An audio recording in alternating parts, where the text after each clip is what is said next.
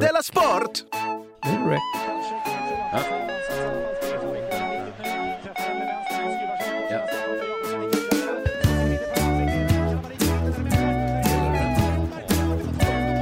Du lyssnar på Della Sport. Hej och välkommen till Della Måns sportupplaga Della Sport. Jag heter Simon Chippen Svensson och med mig från Stockholm med K. Svensson. Hallå! Hej, hej. Hej, kul att ha dig med. Vi har inte, vi har inte hängt på länge va? Eh, nej, det har vi inte gjort eh, för att först var du pappa, eller, ja, först var du pappaledig och sen så har vi inte gjort några avsnitt efter det. Nej. Men det har varit roligt, jag har lyssnat på eh, när du varit med nu. Ja, just det det. kul. det är skönt att få lyssna lite och inte bara producera, utan få konsumera. Ja, men det är faktiskt det, för att eh, då inser jag ju att det är ju, det är ju fortfarande min favoritpodd. Det är först då man eh, verkligen förstår att det är Sveriges enda riktiga humorpodcast. Ja, Ju. När man själv sänder Ja, känns det konstigt det. att säga det, men när man lyssnar på det så. så känns det väldigt eh, starkt, ja. Ja, just det. Innan vi börjar riktigt idag ska jag bara säga att biljetterna har släppts i allmänheten nu till den här stora underproduktion på teatern. Eh, Det är 21 januari och det är typ, det är nästan 12 timmar. 12 Tio timmar. timmar kanske. Ja, just det. Kommer idag med både podcast, bland annat den här podcasten och eh, massa härlig stå upp då med underproduktion. Komiker, underproduktion.se snedstreck biljetter är det. Eh, superlätt att få tag på. Mycket bra, mycket bra. Och sen så är det en lite kul grej, för i förra Delamond så sa jag att man kunde köpa julklapp, eh, så Dela Sport-t-shirtar. Aha, Eh, just det. Och, och så vet du vad som hände? Timmen efter vi släppte det programmet så fick jag ett Ja. mess från Jimmy Pistol som har den shoppen. Då sa han så, nu tar Ja. jag ledigt. Det är så himla modigt gjort av Jimmy Pistol att göra det i julhandeln. Ja, det är först tyckte jag han var dum huvudet, men sen tänkte jag, fan det var ju ganska coolt. Fler borde göra så. Åhléns säger också, nej nu har vi inte öppet bara. Alltså det coolaste hade ju varit om de som säljer julgranar hade liksom gjort det. Då går man ju all in. vi har bara öppet eh, i januari. Men vet du vad jag gjorde eh, som en Joakim von Anka jag är? Då, då gjorde jag så att man visst och kan köpa t-shirtar ändå. Eh, och då gör man också så att man går in på underproduktion.se underkläder. Så finns det en ny länk Ja, där. man kan köpa där, men är det inte Jimmy Pistol som fixar? Om Jimmy Pistols jobb hade varit att ta ansvar för att adventsljusen blev tända, Mm. så hade han sagt så. Ah, söndagar jobbar ju inte jag på. nej, det, aj, aj, aj. Ah, ja. Men då är det tur att jag finns, så då hade jag sagt så, nej men nu har jag fixat så någon annan kan tända de ljusen. Eh, så behöver inte du Jimmy Men, göra det under just julen. Men vem ska stoppa t-shirtarna i kuvert och sätta på kanske 25 stycken små frimärken och skriva adressen och gå till posten med dem? Ja, men det kommer... Är det du som är det som kommer göra det? Jag ser till så det blir gjort i alla fall. Det kommer tyvärr inte då på Jimmys gamla sätt att vara 200 små frimärken med 25 öres eh, Men igår, jag, jag fattar hur jobbigt det för att jag har sålt ett, en print på mitt eh, Instagram. Jag och en kille som heter Petter har tagit en bild Ah, som vi ja. har sålt, Mm. signerat och sålt. Och det var... Sålde du någonsin jultidningar eller julkalendrar när du var liten? Eh, nej, det gjorde jag nog inte. Att det var liksom två jobb. Det var först ett jobb att gå runt och sälja dem. Ja. Och sen om man var duktig och lyckades och la ner mycket tid så straffades man ju med en vända till med jobb som var mycket värre. Just det. Nej, men jag har ju sålt eh, deras sport t-shirtar på detta sätt och suttit hemma och paketerat till sig Alltså bara all den glädjen man kände för vad roligt att så många köpte. Ja. Den är ju borta sen när man... Alltså vad mycket jobb det är. Det var som man ville skrika, sluta köp det här nu för helvete. Ja, men igår så tog jag ett sånt pass, stoppade ner 70 printar, rullade dem fint i olika tuber. Ja. Gick till posten, köpte tre frimärken för varje tub. Satte på. alltså, Ja, ja, det är därför du har så stor förståelse nu för att Jimmy stängde ner shoppen. för att Jimmy stänger ner sin affär. Ja. För gud vilket jobb det är att dela ut Vi jultidningar kan inte- eller sätta på Vi frimärken. kan inte ha det så här att jag säljer så bra. Men du, eh, innan vi går in på det, så saker som har hänt, det här vill jag höra mer om såklart. Men eh, vi har ju en sponsor som, som, som ser till att den här podden kommer ut varje måndag och fredag. Och det Just. är bethard.com. Eh, som vi skiljer, betthard.com skiljer vi från eh, Twitterkontot at Betthard Sverige. Mm. Det är inte samma sak. Alltså det råder viss förvirring ibland när eh, Twitterkontot säger lyssna på podden vi sponsrar. Och då känner man så här, eh, fast ni är väl sponsrade av Betthard lika mycket som vi är? Ja, ja, ja. Det, det råder lite förvirring kring Betthard, om, kring Twitterkontot, om det är liksom, det, det är som en så här... Gör du också en uppdelning mellan dig och ditt Twitterkonto? Men, alltså, Nej, men det är väl inte... Vad, vad är, jag är ju en person som kan twittra. Betthard är ju ett företag som inte kan twittra. Alltså en företag har ju inga händer, de kan inte skriva Men du vet bokstäver. att företag anställer personer och så blir det som en del av Vet företaget. du vad jag tycker är på... Alltså du vet en sån... En, ett parasitdjur Ja, som, som bor på ett värddjur. Om det skulle börja säga så att det är jag som är djuret. Då skulle man ju inte tro det parasitdjur. Nej, jag, eller jag har ju gått på det. Ja, det, det, det är lätt hänt kanske. Ja. Eller att de säger tillsammans att vi två, vi är ett djur. Vi är ett djur. Just det. Och då, nej, det, det, så är det inte. Men min förvirring har varit något annat. För vårt uppdrag var ju lite grann att eh, göra reklam för Twitterkontot. Så- Alltså att de ja, ska det är få det jag har insett att... Och- Ja, och sen det- nu börjar de göra reklam att- för oss. Så då blir det en Ja. väldig... Men jag tror ju att... För jag var ju rätt på och började så skissa lite på hur skulle man kunna göra för att locka följare till, till Twitterkontot. Men så insåg jag att det är ju de första spadtagen i vår egen grav. Att göda det monstret. Ja. Jag, jag menar heller inte att de är någon sorts parasit. Det var ju överförd bemärkelse. Men, för de är ju också så jävla trevliga när de twittrar. Ja, det är, dem. det är lite som att Twitter har blivit Instagram de, när de är igång. Att det är samma kärlek och, och, och trevlighet. Men är det samma som rattar Instagram-kvittot som, som, som, eh, eh, som Ah. Twitterkontot? Ja, det är nog Tror det? Eller är det konkurrens? Har, Jag tror har det, liksom, Bett har gett eh, två uteliggare varsin morakniv och sagt 100 spänn till den som överlever. Tror du det är så? det är ju bara en, en ren spekulation från vår sida. Det vi vet Det är är det. ju att Betthard har gett oss 10 000 imaginära kronor att spela för Mm. och tävla med. Och, Vi är inte helt eh, säkra på att de är imaginära. Jag lever fortfarande i hoppet att vi ska få ta ut dem. Ja, just det, det är inte helt uttalat, nej. Men eh, så länge det inte är och då uttalat. hoppas jag att vi har en deal, att vi tar våra pengar och så delar vi dem på tre. Ja, det hoppas du va? Men jag hoppas, Ja, det men hoppas jag har ju jag. blivit eh, biten av tävlingsbuggen nu när Jonathan har gått förbi oss. Så att jag har ju börjat se det som en tävling som jag gjorde i början. Eh, och, sen, så och så nu har jag börjat satsa höga belopp. Och det eh, bara Men- slår mig då att det är så himla tråkigt att förlora när man satsar 500 kronor. Alltså det är så tråkigt, så tråkigt. Jag var ledsen hela onsdagskvällen när jag blev, det var någon match där. Och så, Ja, ja, ja. Ah. Det är jättetråkigt. Man får den liksom illamående känslan. Det kryper i kroppen när man tänker på att man har förlorat pengar. ja, jag känner mig dum och det skulle jag väl fattat och så vidare och sådär. Men vad skulle du säga om jag erbjuder dig att pakta ihop med mig? Mm. Att hur det än går så slår vi ihop våra pengar efteråt och delar dem. Ja, vad svårt. Det är någon slags Ja, just- spelteori just i det nu här, va? att jag borde Just tjäna nu på det. går ju det dåligt för mig, va? Ja, just det. Just nu kan det verka liksom som att det bara är jag som vinner på den här Just nu pakten. verkar det verkligen som det. Men det, jag, jag förstår också. Men då vill jag påminna dig om att jag gick ju in för att spela på att damhandbollsspelarna skulle vinna Usch, ja. den här turneringen Och så de är var nu. de så dåliga. Ja, men jag, vem var dåligast av alla? Jag som inte kollade ordentligt. Det var ju herrhandbollsspelarna jag satsade på i januari. Men då, Så att eventuellt... ja, ja, den, Det är en den kvar, 500 som ligger där. Alltså det är 17 500 kronor jag drar in. Som då hälften blir dina. Ja, det lägger du fram på bordet nu alltså. Det lägger jag att det ligger. Fördelen med detta är ju, jag måste få fundera på detta ett par avsnitt, men fördelen med detta är Du ju har att vi kan satsa till- lite frejdigare ju. För då, Du har fram till årsslutet på dig att bestämma dig. ja, men det låter mycket bra. För att annars har jag ett tips till dig, du som gillar höga odds. Ja. Att Barcelona ska möta Espanyol, som jag är rätt säker på att det är en derbymatch. Okej. Att Espanyol kommer från Barcelona också. Och det vet vi hur det är med derbymatcher. Det kan gå hur Det ska man aldrig tippa helst. på. Fast det motsatta gäller ju när det är en högoddsare. Ja, för nu har För då då Espanyol 27 gånger pengarna. Om jag då säger att bollen är rund, det kan gå hur som helst. Det Jag sätter en hundring. Ja. Jag sätter 200. gör det med våra pengar då. Ja.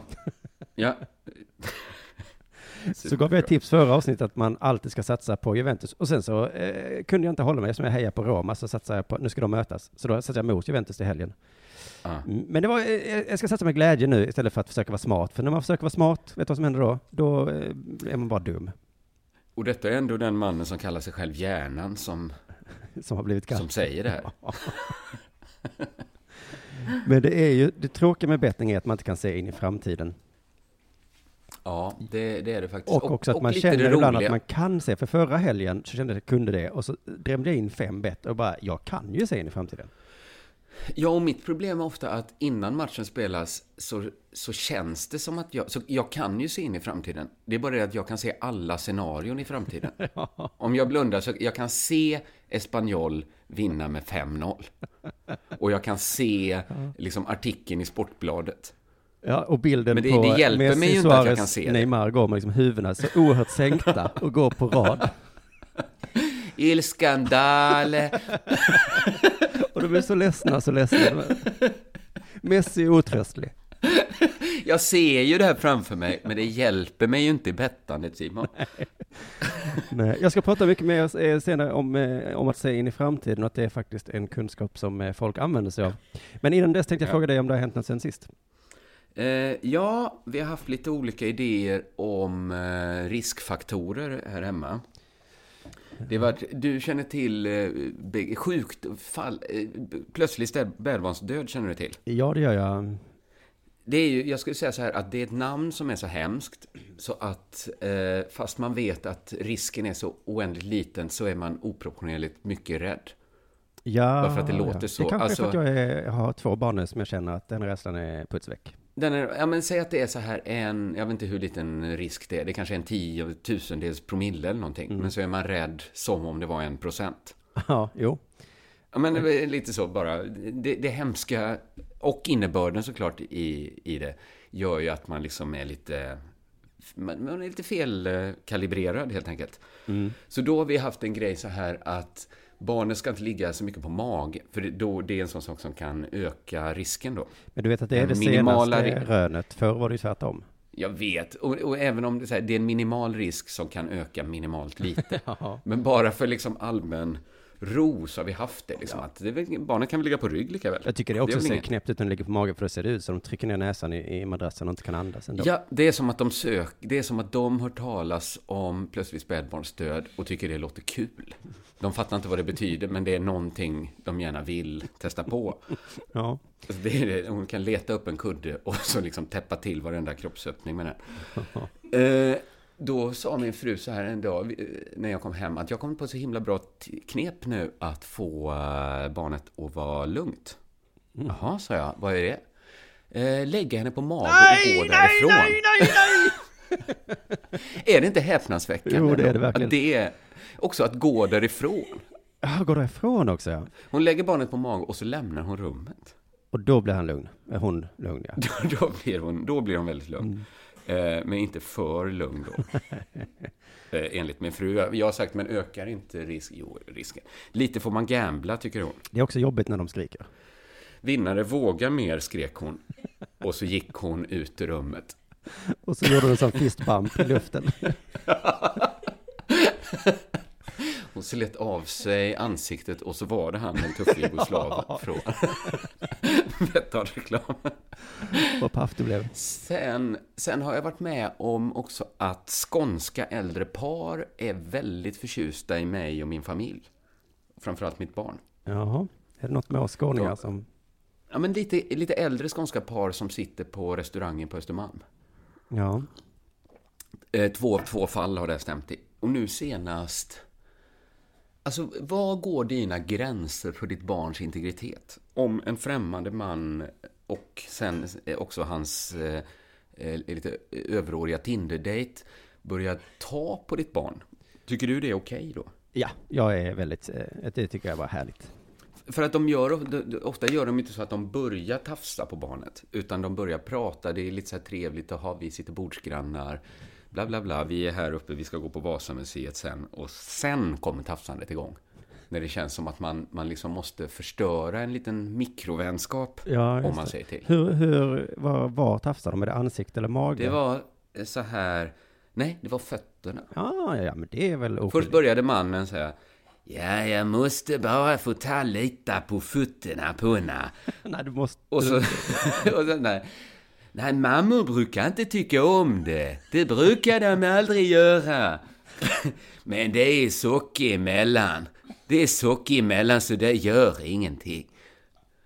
Fint. Och så lät vi han hållas lite där. Det var konstig stämning. Var det både du och Anna liksom- med, eller var det bara du? vi fick ju markera så här att det här är inte okej. Men, så att det blev att vi fortsatte titta på varandra och fortsatte prata. Och så liksom höll mannen på från sidan. Det var bara hans hand som var med liksom och interagerade med oss och vårt barns foto. Så att han var ju nästan inte med. Ni vet att ett bättre Utan- sätt att visa nej, det är att säga stopp! Nej!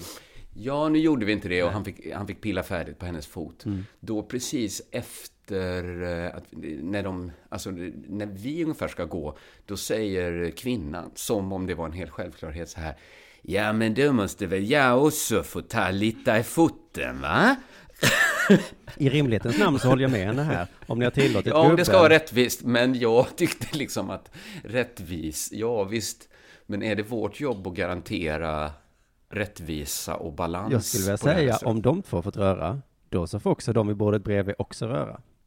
Ja, precis. Då hade vi fått säga upp så här, nej tyvärr, det går inte. För att om du får, då måste alla på restaurangen få. Ja. Ja, Jag blev bara lite chock, för jag visste verkligen inte vad jag skulle göra. För att jag kände så här, jag vill inte vara otrevlig, men allt jag kan säga om det här, som inte är så här, fortsätt mera, eh, högre upp på benet tack. ja. Allt som inte är det är ju ändå lite otrevligt. Men nu får du uppleva hur du är att vara tjej på högstadiet. Så kommer en Eh, kille och säger, min dot- min ja dotter måste få ta dig på brösten nu ju. Och så säger tjejerna, titta bort. Ja men Ja. hel, vad, det här är det, konstigt. det är tröja, det är tröja mellan så det gör inget. Och så liksom blir tjejerna så liksom paffa, bara vad händer? Vad ska, vad? Vad händer nu? Och lärarna bara, "Eh, kan du få det här gjort? Jaha, nu måste alla få göra. Måste alla få göra. Jenny, det måste du förstå, nu har ju Kalle. Har det hänt dig någonting sen sist? Ja, eh, med risk för att det här blir en eh, pappi-podd nu då, så jag sitter ju mest hemma om dagarna ju. Eftersom barnet är Mm. Det är väl nytt härligt? så. Det är, det är det faktiskt. Eh, så kom ju, som du kallar dem, Stasi på besök. Eh, ja, ja, ja, eh, barnmorskorna. Just det. Man går ju väldigt ofta till dem, men så eh, tydligen så har de ett frikort och får komma hem till en. Och, De har en chans där och då, och mm, då gäller det att spela sina kort Och det är också där eh, som det här plötsligt spädbarns eh, död kommer upp. På det besöket. Ja, just det. För det sa, för jag minns att då, ni berättade det, och hon sa det nu även hemma hos oss. Mm. Ni vet väl att det finns? Och vi bara, ja, måste vi Ja, prata jo, om det. vi är medvetna om... Och det finns ingenting man kan göra, ibland bara händer det. Så, nu går vi vidare. Vi är, vi är medvetna. Men eh, på något sätt måste det vara normalt att det här händer, men jag tyckte ändå det var superduper, duper, duper konstigt. Eh, Ja. Och jag satte mig faktiskt med barnet i, i, liksom, i soffa i ett annat rum. Och sen sa de, men du måste komma in hit också. Jaha, ska jag vara med? Eh, och så ställdes det frågor då, röker du, snusar du? Och där satt jag och tittade Ja. åt ett annat håll. Sen fattade jag att hon frågade mig. Du trodde hon frågade barnet? Nej, men min eh, mamman till barnet. Ja, men vad fan spelar det för roll om du snusar? Det har väl inte du med att göra, skrek jag, sprang ut ur rummet. Nej, det gjorde Hur inte brukar jag. du klä dig? Nej, men det var, jag sa jag snusade och så hon an, antecknade. Jaha, jaha. Jaha, ja. Ah, Men hon var väl trevlig och snäll och så, det bara att det är så himla, himla konstigt, för sen började hon prata om alkohol, eh, och då började hon med att säga att man får dricka alkohol när man ammar, Mm. och det är något nytt. Det är inte de som bestämmer vad man får göra. Nej, precis. Men Jag jag, bara- jag minns för tio år sedan när mitt förra barn kom, då var det, då var det tvärtom. Då sa de, Man hoppar... dricker du ett glas vin medan du ammar så får barnet cancer, ADHD och Mm. andra sjukdomar. Men nu så var det så, det får man. Men så la hon också till det här, eh, vände sig då mot min tjej och sa, du har inte druckit nu på nio månader, så att du tål ju nästan inget. Du kanske häller upp ett glas vin och du kommer inte orka dricka upp hela det. Du kommer bli så trött, förstår du. Så det var väl skönt att mamma Mm. kom på besök och berättade för oss hur vi kommer må. Det är lite, lite konstigt det här, ja. Ja. Att de gör så här. För varför ska vi få ta reda på det själva, hur det, hur det är att dricka ett glas vin, hur jag mår och, och så vidare. Nej, det ju, Men jag tror också att det funkar, alltså egentligen så är det ju så här, det är ju en snäll tant som kommer hem till en och berättar saker. ja. Men vad de inte tänker på är ju att efter internet så har man ju konstant, om man har lust att höra vad en snäll tant har att säga, så har man ju liksom dygnet runt möjlighet att höra vad en snäll tant har skrivit på något forum Ja. om vad den tycker. Ja. ja. Eller liksom sina erfarenheter. Så att behovet av en snäll tant som kommer hem till en och berättar, det har ju minskat dramatiskt. Just det, för på ett sätt kan det vara skönt, man kan ställa en fråga som man skriker mycket på kvällarna och så säger hon något lugnande så, ja men det är normalt och så, sådär. Det är helt normalt. Men det står ju på internet nu, så det behöver ju Ja, ju inte lika mycket då. Men, men i alla fall, eh, all right då, eh, säg så. Men sen förtydligar hon också för mig då att jag får också dricka. men det är ju extra snällt. Men så la hon också till då så här att eh, små barn har sån himla bra uppfattning om hur vi, vi beter oss. Det tror inte Så jag. även den minsta förändringen i vårt sätt kan göra barnet oroligt så det börjar gråta. Jag tror inte det. Och hon förtydligade ännu ett mer barn- och sa så här, när vi dricker så blir vi lite gladare och lite så annorlunda i sättet. Ja, ja, ja. Och sånt märker barn. Så. Jag kan garantera att mitt barn inte märker någon skillnad. Nej, synd du inte var där då. För jag tänkte, men jag- jag har ju löst det så här Ja, nu, för jag vill inte göra mitt barn oroligt och jag blev nervös då när hon Nej. sa så. Så då har jag löst det genom att jag dricker jämt nu då. Så att jag Ja, har ja, samma det är sinnesstämning. smart. Ja. Det är ju smart. Ja. Men jag menar liksom på att det finns väl många skäl att inte dricka inför, att inte vara liksom full när man är med sitt barn. Men att barnet skulle känna av att man blev liksom lite, lite babblig eller lite glad eller kanske lite som så här purknat. Alltså jag tror inte just det argumentet. Nej, och jag har ju Nej, märkt sen jag har fått barn att det har sagt jättemycket, så vi har varit på sjukhusen jättemassa och träffat massa då. Och alla som har, vi har träffat tror jag har haft barn själva. Så att det har varit dels en Ja. professionell relation men också en liksom erfarenhetsråd. Eh. Mm. och alla har haft Mm. så många olika råd. Ja. Det Och det är aldrig har jag märkt läge att säga emot. Utan det är att säga okej, jaha. Mm. Okej, okej. Och sen så går man hem och gillar man inte vad man hörde så ber man ju få byta barnmorska bara. Ja, så, Och så tar, byter man tills man har en som liksom, tills man får Agnes Wold som säger så här. Supa med barn, kul tycker jag. det ska jag säga kanske det så jag. Hur blandar du dina drinkar? En del vodka, en del spädbarn, säger Agnes Wold. Receptet för en lyckad hemmakväll. Jag ska be om det. Kan jag få Agnes Wold som barnmorska? Och de bara, men hon är inte det. Nej, men jag vill ändå ha. Kan jag bara få en lapp från Agnes Wold där det står svep? Du kan få mäta och väga och allt sånt, men jag vill liksom, alla råd ska vara från Agnes, tack. På tal om Agnes Wold och sånt så har jag hamnat i ett dilemma nu hur jag ska välja. Alltså, Ehm, för jag läste Ann Heberlein om att man inte ska ge pengar till tiggare. Det var någon eh, artikel hon skrev nyligen i någon Fokus eller något. mm. Det var massa argument. Det är också lite som barnmorskor, att eh, så här, man kan få råd från en snäll tant. Mm. Så kan man få, kolla vad, vad Ann Heberlein säger. Ja. En snäll tant. Jo, men hon är inte Så bara snäll tant, hon låter så himla sträng och hård när hon liksom har sina Ja. argument.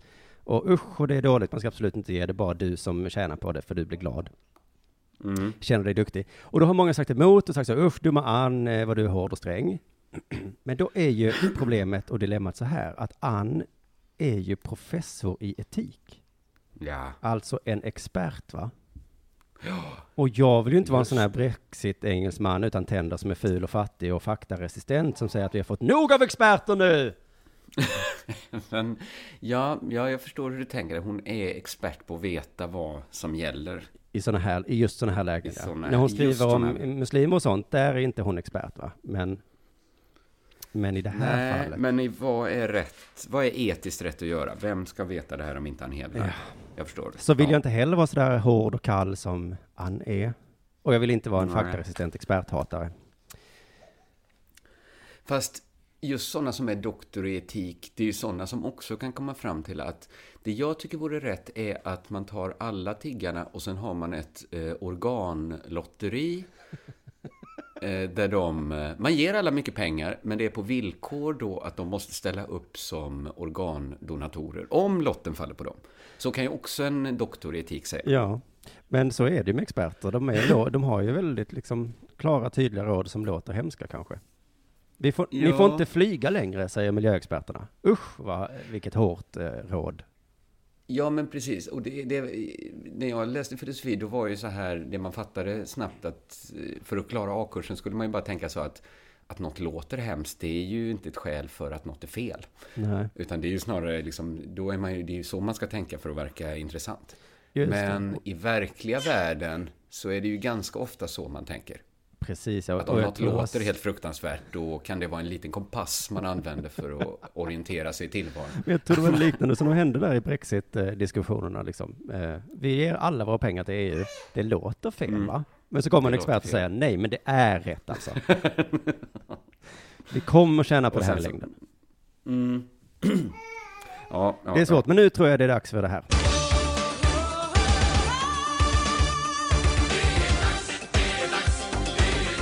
Della Sport! Jag såg att Björn Ferry hade uttalat sig om doping. Såg du det?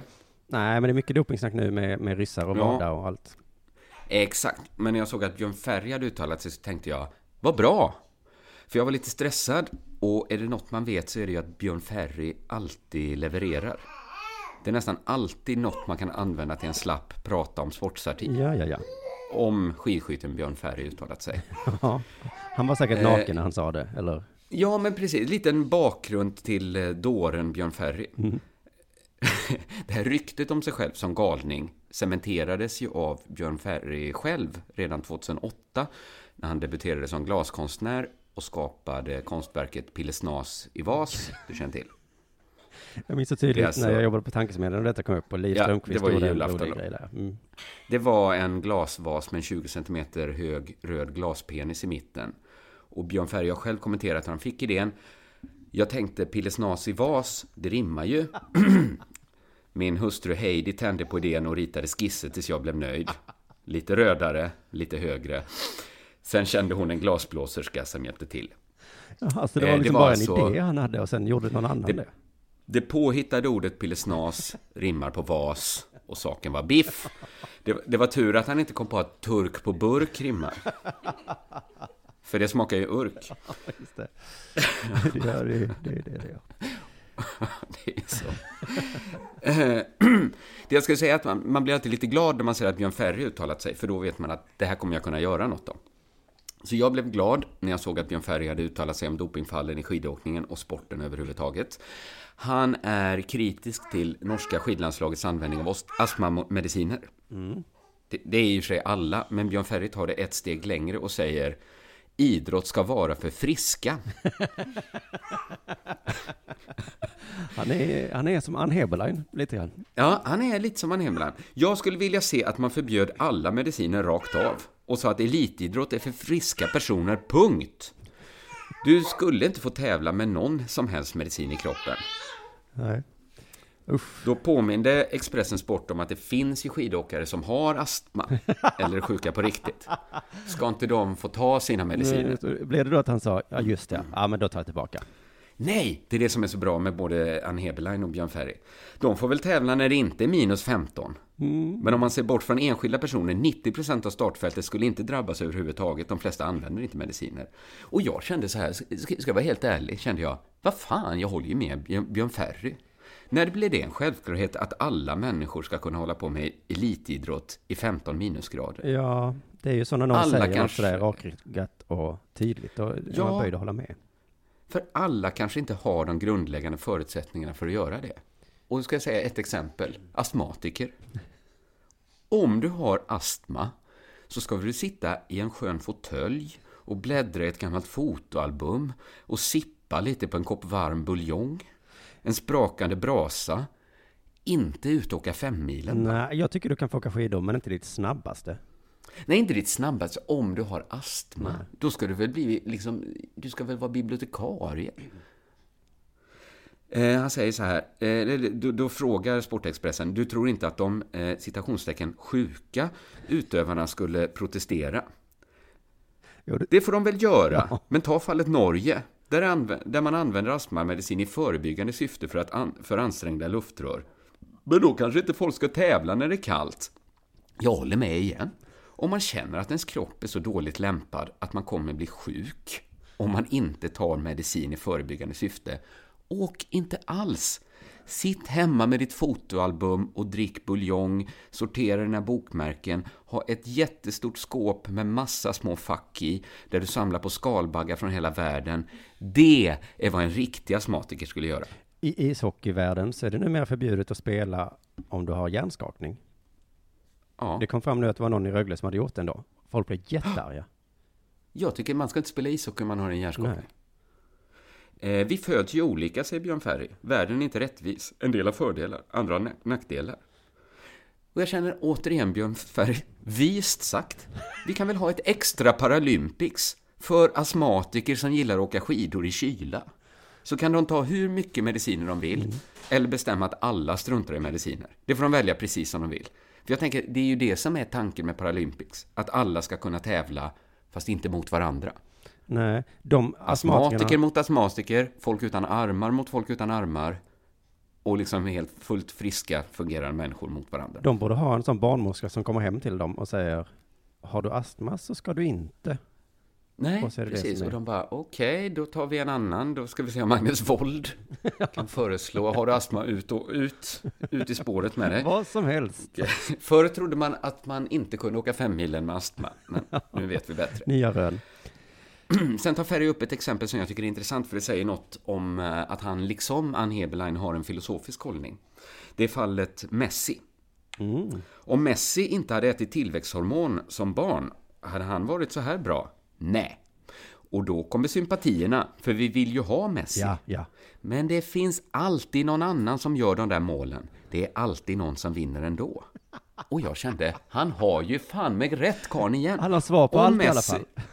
Om Messi inte hade fått tillväxthormoner så hade han inte blivit fotbollsspelare antagligen. Nej. Och hur krasst det än kan låta så hade vi inte saknat honom. För någon annan hade gjort målen. Någon annan hade vunnit. Och jag kan kasta in en annan filosofisk tanke att med tanke på att Messi är så duktig på det han gör så kanske han hade blivit Ja. jätteduktig pianist eller jätteduktig något annat. Just det. Just det. Det är möjligt. Mm. Eller så hade han blivit en helt vanlig, kort, liten argentinare. Mm. Så gör något helt annat. Och även om det är hårt så tycker jag att Björn Ferry har rätt i den här, är det en historiematerialistisk analys? Att de enskilda agenterna är helt betydelselösare. Om till exempel, om Gunde Svan inte hade funnits så hade historien ändå tvingat fram en annan Gunde Svan. Ja. Gunde Svan eller motsvarande kommer alltid uppstå. Eller Messi då. Essensen kommer före existensen. Så jag var lite chockad att jag höll med Björn Ferry. Även i ett sånt här kontroversiellt påstående. Men så kom jag då på en lucka i hans argument. ja, låt höra du som har funderat på det här då. Ja. Ja. Om Björn Ferry inte hade funnits, hade då konstverket Pillesnas i vas kunnat uppstå? Med Jag den tror här tankemodellen så hade du ju det. Jag tror inte. Jag tror att det är så här. Om Messi inte hade funnits så hade någon annan gjort snygga mål för Barcelona. Ja. Men om Björn Ferry inte hade funnits så hade ingen annan skapat Pillesnas i vas. Men vi hade heller inte saknat den å andra sidan, så det kan vara det. Nej, men det tycker inte jag ska vara en eh, faktor här. Nej, det får inte vara. Nej. För det är inte upp till oss att säga vad som behövs Nej. och inte. utan- Men jag tror att på det sättet är Björn Ferry som konstnär större än Messi är som fotbollsspelare. Wow. ja. Om man bara ser till den parametern. Håkan Eriksson, vet du vem det är? Nej. U21-tränaren, Oj eller förbundskaptenen. Han ska sluta nu efter nästa EM som är sommaren 2017. Hade det varit roligt om tränarna också var tvungna att vara U21? Ja, det hade varit roligt. Eh, Ja, det hade varit det är inte så, kan vi konstatera. Nej. Men, eh, jag tror inte de har någon ålder. De kunde haft någon ålder i alla fall. Att de var tvungna att vara Att under de 40 behöver vara kanske. kanske U40. Ja. För då hade det inte varit konstigt om han hade fått sluta nu, för då hade han kanske blivit över. Man borde 40. börja kalla riktiga landslaget för U40-laget. Och tränarna är bara så U70 oftast. inte alltid. Vi har hämtat han från U70. Nej, det där blir bara tramsigt. Fortsätt. Sånt här händer ju jämt i, i fotbollens värld då. Tränarna, Mm. förbundskaptenerna får gå. Håkan har ju säkert varit dålig, tänker jag då. Hans lag har säkert förlorat en massa. Men vi kollar väl meriterna för säkerhets skull. Eh, kolla Sydsvenskan här då. Står det Eriksson ledde sommaren 2015 u landslaget till guld. Jaha. Det minns jag nu när jag läser det. Eh, en prestation som, han, som ett halvår senare gav honom priset Årets ledare på Idrottsgalan. Ja, men där, han har ju ett bra CV får man säga. Bara där. Ja. Bara det räcker Men sen då? I kvalet till sommarens EM har hans landslag radat upp sju vinster, tre oavgjorda matcher. Fantastiskt. He- Alltså årets ledare och efter det fortsatt har inte förlorat en enda match. Då Det, nej, tänker han kanske bra. inte vill vara kvar. Eh, fortsätter läsa. Nej, just det. Det är inte i samråd vi tagit beslutet. Eh, det är ett beslut liksom från sparken. fotbollsförbundet, säger Eriksson. Oj då, Okej. vad har hänt Ja. nu då? Eh, Ja, då svarar Håkan Eriksson. Det är Håkan Sjöstrand och Lasse Richt som får stå för de svaren. Mhm. Mm. Ja, eh, ska vi kolla först om, om eh, Håkan Eriksson har gissning här. Jag kan inte tänka mig att det beror på resultaten sen. Jag har tagit EM-guld och klarat tre kval. Det måste bero på andra saker. Jag har inte fått någon förklaring. Men vad konstigt det är att ibland känner jag att så här fotbollsförbundet och andra sådana förbund att de mer behandlar tränare som kläder lite. Ja, Att det är så här, jag köpte den här jackan förra våren, den, kände, den har varit jättebra, jättefin. jag fick ett ragg när jag hade ha den på jacka? mig och eh, massor med komplimanger. Alla säger vilken snygg jacka. Men så känns det ändå när nästa vår kommer, så bara, nej, jag kanske skulle ha en ny jacka i alla fall. Nu, ska jag testa med någon ny, se hur det går. Men vi får Mm, kolla med. Håkan Sjöstrand och Lasse Risch då. Eh, eller jag tänker, det måste journalisterna ha gjort. Eh, så jag läser vidare Mm. här i Sydsvenskan då. Nej, de har då inte ringt upp Håkan och Lasse. Eh, utan de har gjort som jag brukar göra, kollat eh, hemsidan. Svenska Ah, ja, ja. fotbollsförbundets hemsida. Där står det så här. Håkan Eriksson har gjort ett väldigt bra jobb med u Jag är både glad och tacksam för resultaten. Nu hoppas vi på nya framgångar i sommar. Håkan och u har firat väldigt fina framgångar, liksom hela vår landslagsverksamhet. Vi är mer framgångsrika än på mycket länge och framtiden ser ljus ut. Det har Håkan i allra högsta grad bidragit till. Men Så det här är ju inte en förklaring alls till varför han har fått gå. Snarare tvärtom. Alltså, finns... Alltså, det de gör när de gör så här, det är ju att de skapar misstanken om att Håkan har gjort något liksom bisarrt, något perverst. Just det. Som, något som inte går att liksom tala högt om. Och det hade inte Sydsvenskan råd med. Men Aftonbladet har ju råd att, att sätta så här terrierjournalister på det här. De Ja, får ja, ta ja. Håkan Sjöstrand och ställa, Med terrierjournalist menar du alltså någon som eh, ringer ett samtal? ja, och ställer frågan, Ja. vad är det för skit Ja. eh, Håkan Eriksson har gjort? Vad har ni för skit på Håkan?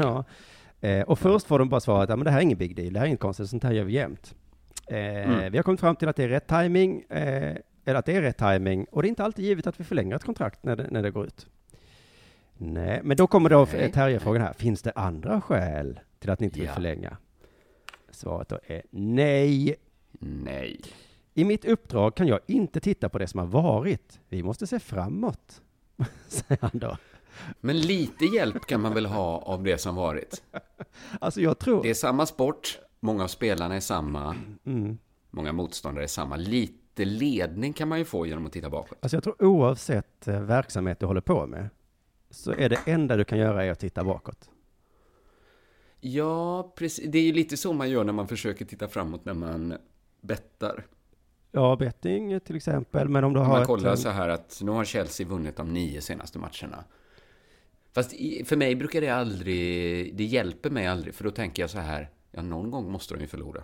om jag har en Det kan, anställd är det så i mitt företag som jämt är full och aldrig dyker upp på jobbet, Ja. då får jag ju titta bakåt och se, ja men du har ju varit full de senaste månaderna och inte dykt upp på Ja, jobbet. någon gång måste du ju vara nykter. Det blir säkert imorgon. Välkommen in imorgon. Jag kan inte titta bakåt här, jag måste se framåt. Se framåt, att någon gång bryts ju sviten. Ja, det är jävla spännande att de är liksom, eh, det är som spåtanter tänker jag, de är de enda som jobbar så. Ja, ja just det. Han fortsätter här att Håkan har gjort ett bra jobb och han ska ha cred, bla bla bla. Eh, men efter sex år så har kontraktet gått ut och nu har vi fattat det här beslutet. Det är, ofta, det är min favorit när de hänvisar till att nu har vi fattat det beslutet. Det är för att de inte riktigt förstått. frå- Frågan är ju underförstått, vad fick er att fatta det här beslutet? Svaret är, så nu har vi, men vi har fattat det här beslutet. Ja, Det är därför vi gör så här, för vi har fattat ett beslut. så den här terrierjournalisten lyckades inte riktigt utan eh, han- släppte greppet där. Så jag fick leta Mm. vidare på internet, eh, söka söka. Du är här igen. Ja, jag är det utan att jag då orkar Du är en ringa. sån jävla grythund som springer in, sticker in Så nosen. hittar jag inte någon Jävla små rubriken. skrymslen. Ja, Ja. skrymslen har jag tittat här. Expressen har rubriken Därför fick Håkan gå. Mycket, nu, nu har du byggt upp en sån spänning här så att sjung ut. Och det är då Daniel Kristoffersson, jag tror att han är en kändiskrönikör där. Han har en byline där hans Mhm. ansikte är med. Okej. Men jag ser bara hans adamsäpple, för det är så himla, himla stort. Där läste jag Ja, på, vet du. in och kolla. Först massa text, bla, bla, bla, bla, bla, bla, bla, bla. Sen nu, här kan jag säga, varför fick han då gå? Då kommer texten här. Dels tror jag att han inte drog jämt med landslagschefen Lasse Richt. Dels tror jag heller inte att han var Håkan Sjöströms man. Jag tror heller inte att han var så öppen eh, att han varit så öppen med, med besvikelsen av att han inte varit aktuell som förbundskapten för A-landslaget varit till hans fördel. Aha, det tror jag mest på. Det tror jag inte passar in i Svenska fotbollsförbundets mall. Nej, Var tror man någonstans, Kristoffer? eh, i kyrkan. Just det. Och först blev jag lite sur av det här, att han börjar med att, tisa att han vet varför. Mm. Och sen så kommer det massa tro. Tänk om, alltså så skriver man väl inte nyheter? Jag, koll, testade så jag gick in på Sveriges Radio och hittade en ingress där. Och så, och så provar jag att göra på samma sätt då. USAs president Barack Obama kommenterar nu uppgifterna om rysk dataintrång skulle ha påverkat amerikanska valrörelsen. Tror jag. Ja. I en radiointervju säger Obama att det inte råder något tvivel om att USA måste agera. Tror jag att han säger. Mm. Ja. Mm. Jag förstår att det blir bisarrt. Det blir ju Eh, bisarro-världen va? Bevisat din poäng. Men sen kom jag på att fan det är ganska bra sätt särskilt om det är så debattartiklar och Alltså det är väl lite så det Att alltid Anne Heberlein borde ju skriva mer så att eh, om du ger pengar till tiggare så tror jag att du bara cementerar en liksom eh, ojämlikhet som sprider sig från generation till generation. Precis. Tror jag alltså. Jag, jag vet inte. Jag, jag vet inte hur det funkar. Nej, hur skulle jag kunna veta helt säkert? Och det skulle kunna, deras eh, svaret på det kunde vara så här, nej du Ann, det tror inte jag. Utan jag tror att det är Nej. pengar som de får som gör att de faktiskt kan äta. Och, Vi ska prata med en som tror att eh, tiggarna egentligen är miljonärer allihopa. ja, så att, och då hade det varit, ja men ett lite eh, trevligare debattklimat kanske, om folk hade skrivit Det eh, så på Twitter. Tror jag. Du är en jävla fitta, tror jag. Tror jag. Jag har inga argument. Men om man ser bakåt i historien så talar mycket för det. Men nu ska vi se framåt va. Lucia var vit, tror jag. Jag var ju inte med. Ja. Du lyssnar på Della Sport.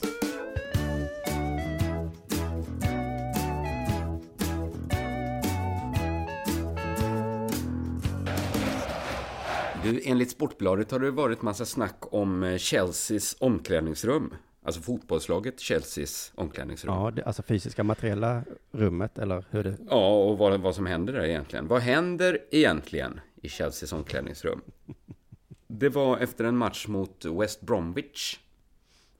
Chelsea vann som vanligt och det började spridas bilder på internet på Diego Costa i Chelsea som drack en öl. I omklädningsrummet? I omklädningsrummet. Sportbladet skriver, i helgen kunde Chelsea-supporterna ta del av minst sagt udda bilder inifrån Chelseas omklädningsrum. Direkt efter 1-0-segern mot West Bromwich kunde man på både David Luiz och Diego Costas sociala medier se Costa dricka öl framför kameran. Nu kommer förklaringen till Vet de vi här... om de spelade låten Laga, laga, laga, laga? Nej, vi vet inte Nej. det. Vi har bara bildmaterial. Eller, eller så vet vi det. Jag tror inte de gjorde det i alla fall. Eh, vad är det för låt ens? Lager, lager, Den lager, här lager. gamla eh, Trainspotting-låten. Ah, och jag får se om den filmen helt enkelt. Nu kommer i alla fall förklaringen till de här minst sagt udda bilderna. Mhm. Det är nämligen så att Chelsea använder öl som återhämtning. Tränaren Antonio Conte säger så här om öl. Det är bra för din vätsketillförsel. Du kan dricka Coca-Cola eller öl, det är bra för återhämtningen. Men bara en, inte flera, då är det bra, men det måste ske snabbt, inte en timme efter matcherna. Tror jag. Skulle han Tror lagt till. jag, jag vet inte. Det verkar rimligt alltså. Men wow, Så det det, har fanns- jag aldrig hört. eh, Men det. Det fanns alltså en förklaring till att Diego Costa, 28 år gammal, drack en öl efter en match. Han kanske inte ens ville Det det, som- utan det var ju fystränaren. De tvingade han att dricka en öl. Det skapade i alla fall vad Sportbladet valde att kalla de minst sagt udda bilderna inifrån Chelseas omklädningsrum. Och min fråga är då så här, är det minst sagt udda bilder? Eh, Chelsea leder ligan, de har nio raka segrar, en 28-årig kille tar en öl. Vad är udda? Vad är minst sagt udda? Och då, jag kände så här att jag kanske, jag är, jag är väl en dålig journalist, för jag kände liksom inte hur nackhåren reste sig när jag hörde talas om det här. Inte alls. Att, du känner väl att ändå att det är Diego lite Costa drack en, en öl efter matchen. Han firar med en öl. Då kände inte jag, så här, min fråga blev inte genast, vad finns det som kan motivera ett så här bisarrt beteende? Som att öppna en flaska öl efter man har vunnit en match, man leder ligan och sen dricka den ölen. Nej, men att det kanske är dåligt för prestationen då? Att dricka en öl efter en match. Mm. Alltså jag hade blivit mer förvånad om alla i Chelsea var nykterister.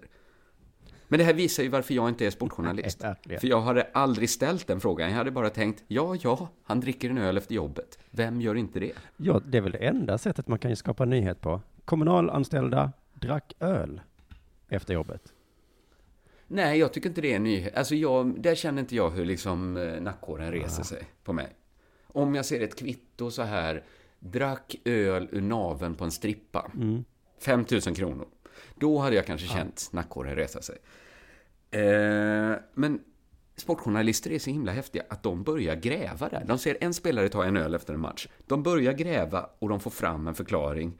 Tränaren tror att öl är bra för återhämtningen. Just. Det fanns en förklaring till en bild som ingen sund människa kan ha känt ett behov av att den behövde förklaras. Så fanns det en förklaring ändå. Ja, just det, så fanns det och då blev det ändå en nyhet, ja. Jag kunde inte ens formulera så här en fråga kring den bilden. Så här, vad är, vad är bisarrt här? Alltså, för mig var det ett sånt självklart beteende att det behövs ingen förklaring. Nej. Om du och jag, om någon har sett dig och mig dricka öl på stan, så tror jag att de flesta tänker lite så här, vad kan det finnas för förklaring till det här? Har någon liksom dött? Är det en gravöl? Vad, vad finns det för rimlig förklaring till att Simon och Kristoffer dricker öl idag? Jag, jag hade liksom inte ens börjat ställa frågor liksom åt det hållet. Nej, just det. Men sportjournalisterna är så jädra vassa på det sättet. Och så hittar de också en förklaring. En excentrisk tränare som tror att öl är bra för återhämtning. Ja, det är fantastiskt. På ett sätt är det tur att du inte är det, eh, sportjournalist då, ja. Ja, då hade ju inte världen fått se den här nyheten.